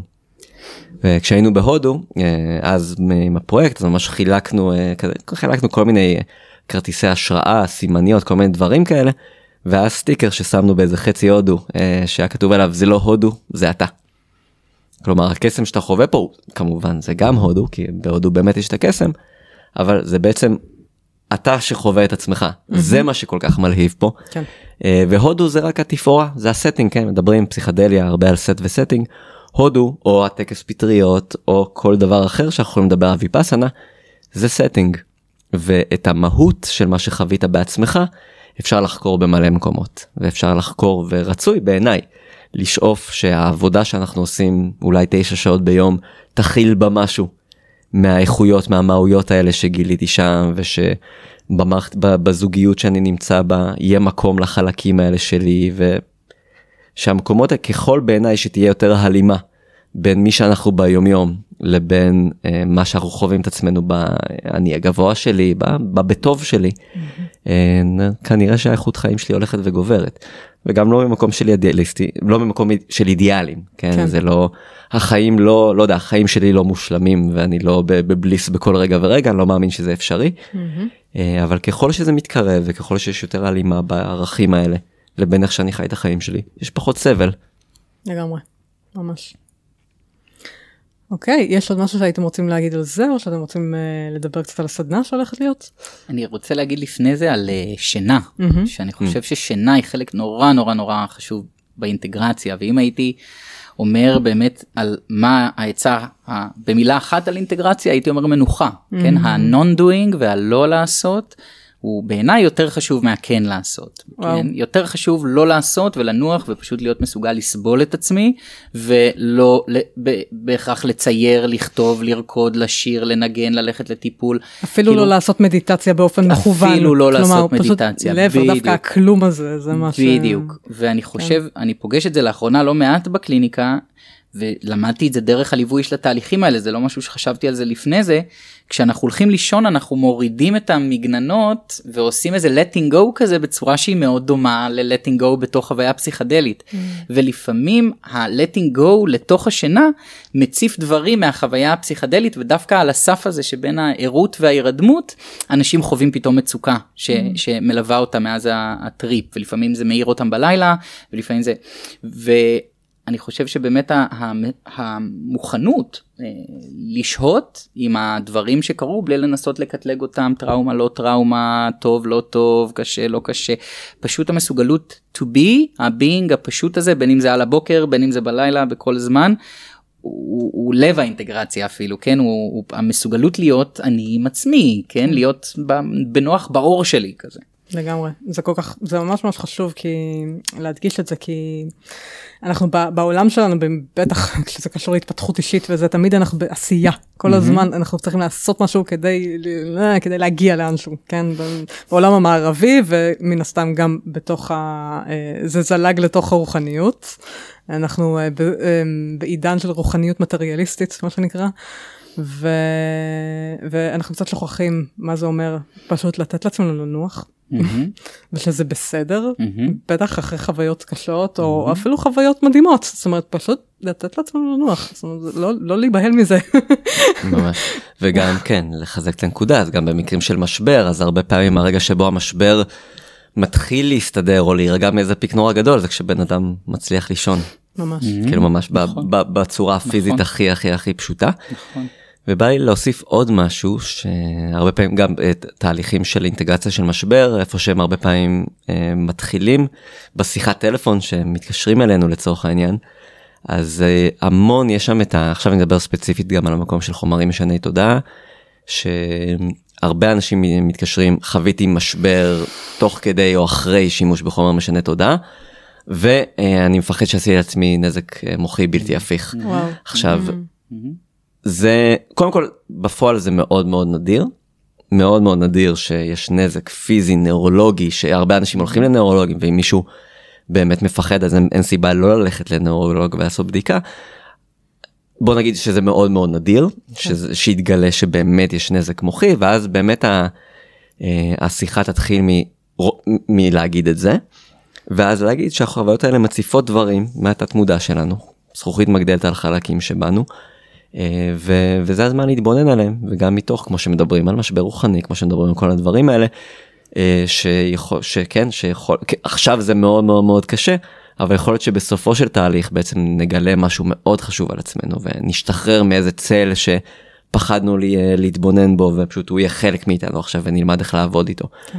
ושם כשאנשים מסכימים לקבל את זה כי יש גם באיזשהו מקום לפעמים ואני אומר את זה בזהירות את מה שאני אומר עכשיו אבל יש לפעמים משהו טיפה יותר נוח בלחשוב ש, שזה איזה נזק שהחומר הזה גרם לי ולא משהו שלי שצף. מהמם, מהמם. אה, ו, וכשאנשים כן מסכימים לקבל את, את המסר הזה אז שם מתחיל איזה תהליך זה לא אוקיי נדפקת ואי אפשר לתקן אותך זה לא הנה פה מתחיל הנה ראית משהו המשהו הזה הוא לא יפה והוא לא נעים אבל מפה מתחילים כן. ושם כבר כשזה מצליח שם, שם כבר נרגע המון מהסטרס סביב הבלתי הפיך הזה ויש מקום להתחיל תהליך. אני חושבת שאנשים, אה, יותר קל לנו לעכל את זה שמשהו חיצוני פגע בנו, כן, כמו למשל, אה, אני, אני רגע עושה השוואה למחלות אה, פיזיולוגיות, כן? יותר קל לנו לעכל את זה ש... כאילו הגוף שלנו עושה מה שבא לו והוא פשוט נדפק, ולא שאולי איזשהו מצב נפשי שאנחנו נמצאים בו, איזשהו, אה, איזושהי טראומה שאנחנו סוחבים, או משהו, אה, באמת בסייקי עורר את המחלה הזאת. או שאני לא מטפל טוב כן. כל כך בגוף שלי והוא כן, הוא לא מגיב לזה טוב כן. לגמרי. לגמרי. אולי, תגידו משהו על הסדנה? בכיף. אמ, אז אז כן אנחנו מאוד מתרגשים זה זאת זה יהיה אנחנו בעצם מדברים על ה-2021 לינואר.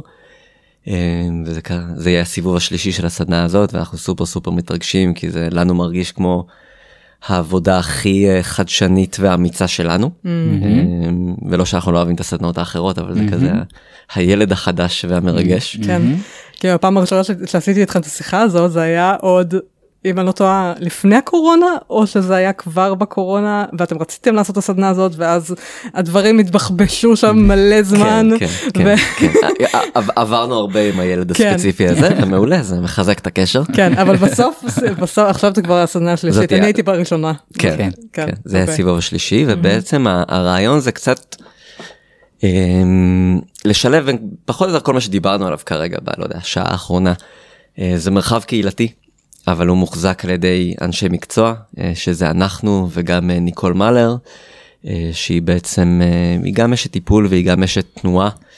והיא היא, היא, היא גם בן אדם כזה של אני לא יודע אם היא תגדיר את עצמה אבל מהיכרות איתה מעין פסיכומגית שכזאת בן אדם ש, שמבינה מאוד מאוד עמוק טקסים ואת המשמעות שלהם ו, וככה רבדים מאוד מאוד עמוקים אז אנחנו מאוד מאוד אוהבים לעבוד איתה.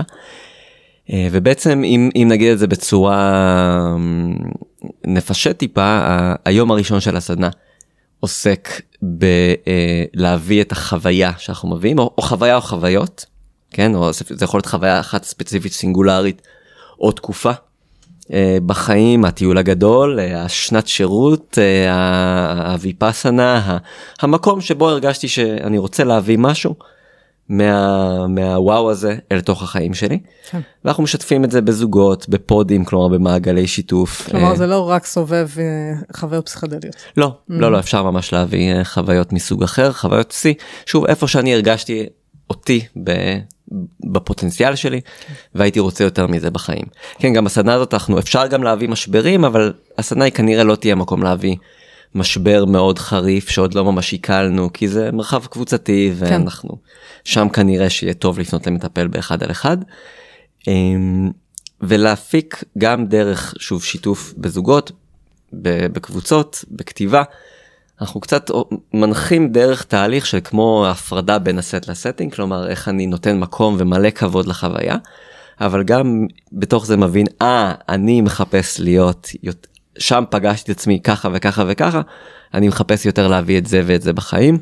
אנחנו גם עובדים על זה גם קצת דרך תנועה וריקוד קצת איך האיכויות האלה מרגישות בגוף שלנו ונעים אותם בתוך קבוצה אז היום הראשון הוא יותר ה sense making של החוויה שהייתה. והיום השני יותר אה, עוסק באוקיי הבנתי בגדול מה זה מה המהות מה מה לסדנה קוראים seeds of integration אוקיי הדימוי הוויזואלי גם הגרפיקה שלה זה בן אדם שכמו מקבל איזה אה, זרע seed כזה מהאסטרל ואז שם אותו באדמה שזה גם מטאפורה שאנחנו משתמשים בה כן. חיבור בין לאינטגרציה. הרוח לחומר. בדיוק בדיוק ובתוך זה גם הזריעת זרעים הזה גם יש בתוך זה סבלנות כן יש בזה זה לא מיד מחר יש עץ לא לא לא קיבלתי זרע עכשיו אני צריך להשקות אותו לטפח אותו לגמרי. אה, והיום השני עוסק באיך אני עושה את זה ואנחנו מתייחסים לכל מיני תחומים שונים בחיים ונותנים לכל אחד ממנו מקום. כמו שדיברנו על זה המערכות יחסים המשפחה אנחנו רואים אה, לא הרחבנו על זה אבל המשפחה זה מראה מטורפת כן האם אתה חושב שאתה מואר אה, לך להיות אצל ההורים שבוע כולנו מכירים וזה נכון נכון. זה ממש נכון. אה, אז המשפחה, החברים, מערכות היחסים, העשייה, המערכת יחסים שלי עם עצמי, החיבור שלי לעולם הרוח, ועם כל אחד מהדברים האלה אנחנו עושים סוג מסוים של עבודה.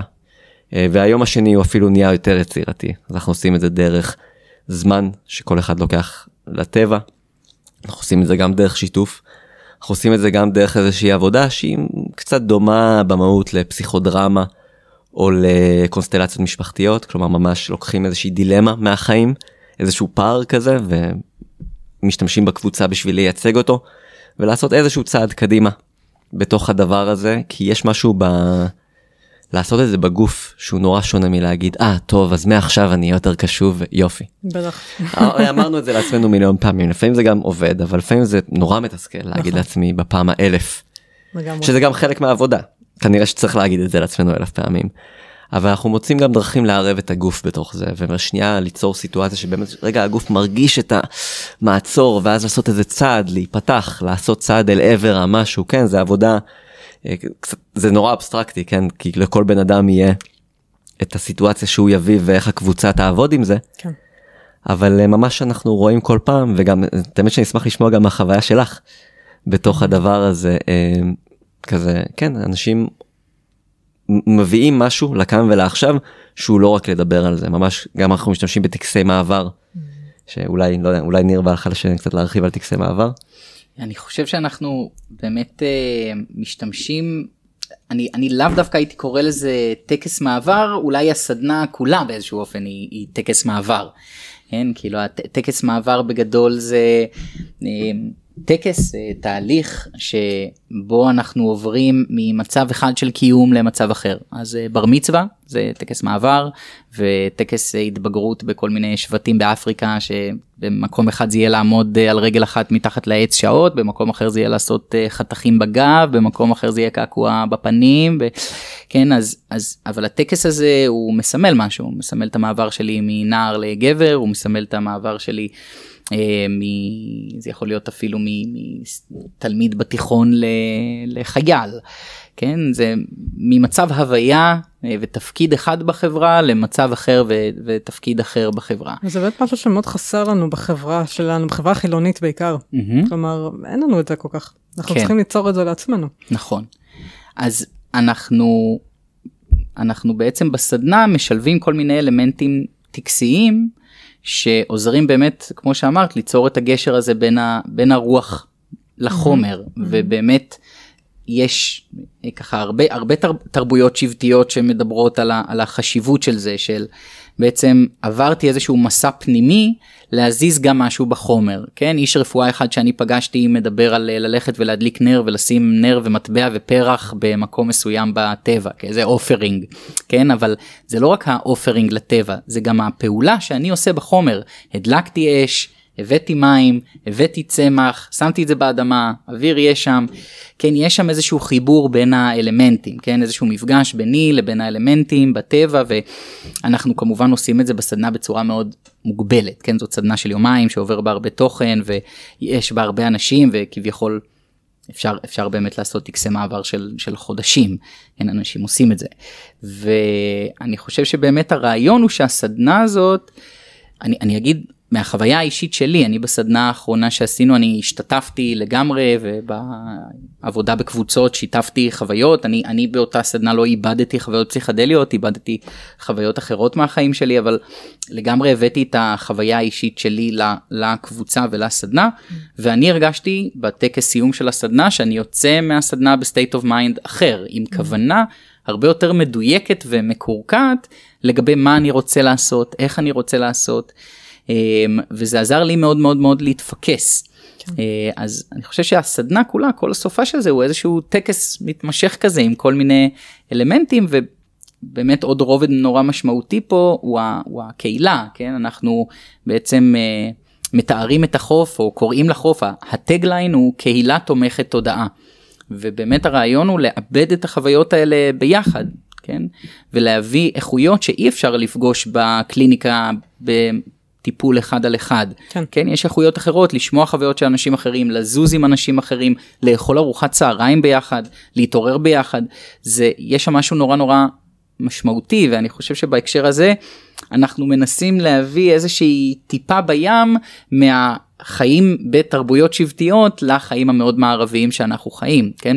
בחברות שבטיות לא מדברים כל כך על אינטגרציה כי אין כל כך את הפער כן? נכון. היום שאחרי כולם anyway כמו כל יום יאכלו ביחד ארוחת בוקר ויפגשו אחד את השני בפעילויות כאלה ואחרות של החיי יום יום ופה אנחנו מאוד uh, יש לנו הפרדות כאלה בעולם המערבי. אז ה- הסדנה הזאת היא גם איזושהי טעימה כזאת טיפה טיפה שבטית קהילתית אה, ש, ש, שנותנת עוד רובד של האינטגרציה בעצם.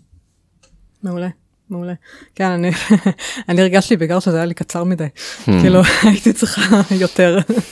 בעיקר את, ה, את ההוויה של זה. זאת אומרת, התכנים עצמם וזה סדנאות, סבבה, עשיתי כבר מלא סדנאות, וכאילו, יש, כן דברים שככה כבר הכרתי, אבל, אבל um, גם הדגש ספציפית על אינטגרציה, זה, שזה משהו שהוא לאו דווקא אה, מונגש בצורה הזאת במקומות אחרים.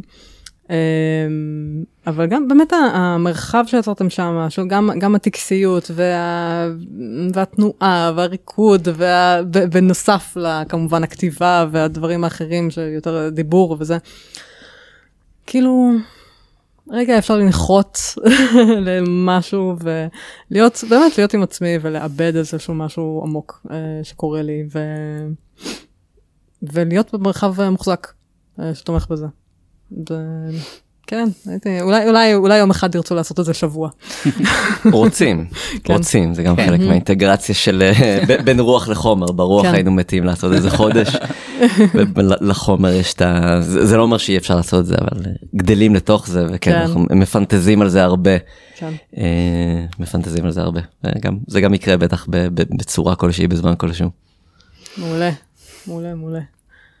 עוד משהו שהייתם רוצים להגיד? אולי קצת פרטים טכניים, כאילו בעיקר זה ש- 2021 אה, לינואר זה ממש משישי בבוקר עד, אה, עד מוצ"ש, אה, גם נשארים במקום ויש יופי של אוכל.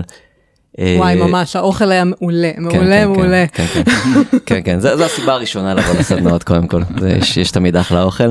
אה, וזה קורה באדם וגנו במושב אומץ, זה בעמק חפר. אה, אי שם בין תל אביב לפרדס חנה המעוזים אה, ומתחם המתחם של תומר פיין שמי שלא היה שם זה מקום אה, מהמם להיות בו וככה אחלה מקום אה, לעשות בו טקס מעבר שכזה. אה, וזהו בטח כל שאר הפרטים אה, בטח יהיה איזה לינק שם איפשהו אז אנחנו אה, כן. תסתכלו בלינק ו, ועם זה שדיברנו על זה זה עכשיו שעה ומשהו ברור לנו שזה עדיין יכול להיות אמורפי אז אנחנו גם ממש מזמינים אתכם אה, לדבר איתנו. ואולי עוד משהו שלא קשור לסדנה אה, זה אוקיי אם, אם, הפודקאסט הזה עשה לנו אה, תיאבון ל, לאינטגרציה אה, אז אנחנו יש לנו באתר גם דף של מטפלים מומלצים. אה, שחשוב כי המון פונים אלינו מחפשים בין אם זה פסיכותרפיסט מיינדפולנס שכזה שכמונו או פסיכיאטר כשצריך או מטפלים בצמחי מרפא. כן. אז אנחנו בעצם מחזיקים אינדקס של מטפלים מומלצים באתר שלנו כזה חוף מבטחים בכלל מזמינים יש לנו אחלה אתר מזמינים אתכם להיכנס ולקרוא קצת להבין אה, מי אנחנו מה אנחנו. ויש שם גם דף מטפלים מומלצים ש... של אנשים מטפלים מדיסציפלונות שונות שכולם סייקדליק פרנדלי ועם אה, כולם יהיה אפשר לעשות תהליך אינטגרציה. אה, וזה חשוב חשוב אה, לדעת איפה אה, איפה יש מטפלים טובים ושאפשר לסמוך עליהם. כן. אמ, האמת היא שהרמת לי להנחתה להגיד שגם אני עושה את זה. נכון. אני גם מטפלת בצמחה רופא, אני גם פסיכדליק פרנדלי, אני גם עושה אינטגרציה, אני גם פסיכותרפיסטית. אז אה, זהו, סתם, מי שלא יודע, כן. אה, במטפלים המומלצים. וכמובן אתם, כן, אה, אתם עושים אה, גם כן את כל, את כל זה, חוץ מהצמחי מרפא נראה לי. ואנחנו גם לא פסיכיאטרים אבל כן נכון, אה, גם- פסיכותרפיסטים כן. וכן, מן הסתם כן, כן. נראה לי ברור בשלב הזה שאנחנו עוסקים באינטגרציה פסיכדלית. כן, מן הסתם. אולי המלצה על אה, ספר חדש שיצא אה, של חבר שלנו שקוראים לו מרק אישאלה, הוא מספרד והוא כתב ספר שנקרא Integration, אה, אז זה למי שקורא באנגלית או ספרדית, זה מומלץ בחום, אנחנו רק בתחילת הדרך עם הספר הזה, אבל אה, אנחנו מכירים את מרק טוב, אה, הספר הזה בסך הכל הספר הראשון שממש יוצא ממוקד על סייקדליק אינטגריישן אז וואו. אה, יש שם הרבה אוצרות בטוח. כן, ומרק הוא מאוד מהוותיקים ביותר שיש בתחום הזה, לפחות במערב, כן, אנחנו לא מדברים על אה, שמאנים של דורות של אה, אה, ספר, ממה שהספקתי לקרוא עד כה מרתק, עושה לי המון סדר בראש גם. אה, ואולי עוד ספר שלא עוסק באינטגרציה פסיכדלית אה, של ג'ק הורנפילד, אה, After the Ecstasy comes the laundry, Oh, yes. אח- אחרי האקסטזה הכביסה. כן. כל מי שהיה במידברן מכיר את החוויה הזאת היטב אבל אבל כן זה ספר שמדבר על הנושא של אינטגרציה בכלל פסיכו רוחנית אה, לתוך החיים שלנו. מהאקסטזות להכי חומר וספר. מאוד מומלץ מאוד אהבתי. מאוד מאוד, לגמרי. ג'ק הורנפליד באופן כללי הוא מעולה. מומלץ. וואו, תודה רבה רבה לכם. תודה מרתק תודה היה כיף. לדבר איתך. כן, היה ממש היה כיף, היה מעניין, אה, היה מעשיר, אני מאמינה שזה באמת יכול לתרום להרבה אנשים. אז אה, אני ממש ממש מזמינה את המאזינים להיכנס לאתר שלכם, לראות מה יש שם, לראות עוד סדנאות שאתם עושים, אה, מרחבים שאתם יוצרים, וכן, מהמם, תודה. תודה רבה. תודה רבה. עד כאן הפרק להיום. אם אהבתם אותו ואתם חושבים שאחרים יכולים להתערב ממנו גם כן, שתפו ועזרו להפיץ את המסר.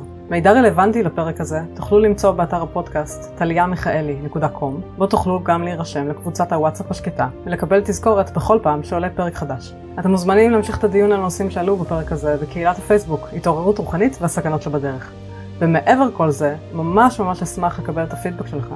אם יתחשק לכם, לכתוב לי מה אהבתם, את מי תרצו לשמוע בפרקים הבאים, או כל דבר אחר שתרצו לשתף איתי, ניתן לעשות זאת באתר הפודקאסט או לכתוב לי בפייסבוק. איזה כיף שהייתם פה, ונשתמע בפרק הבא.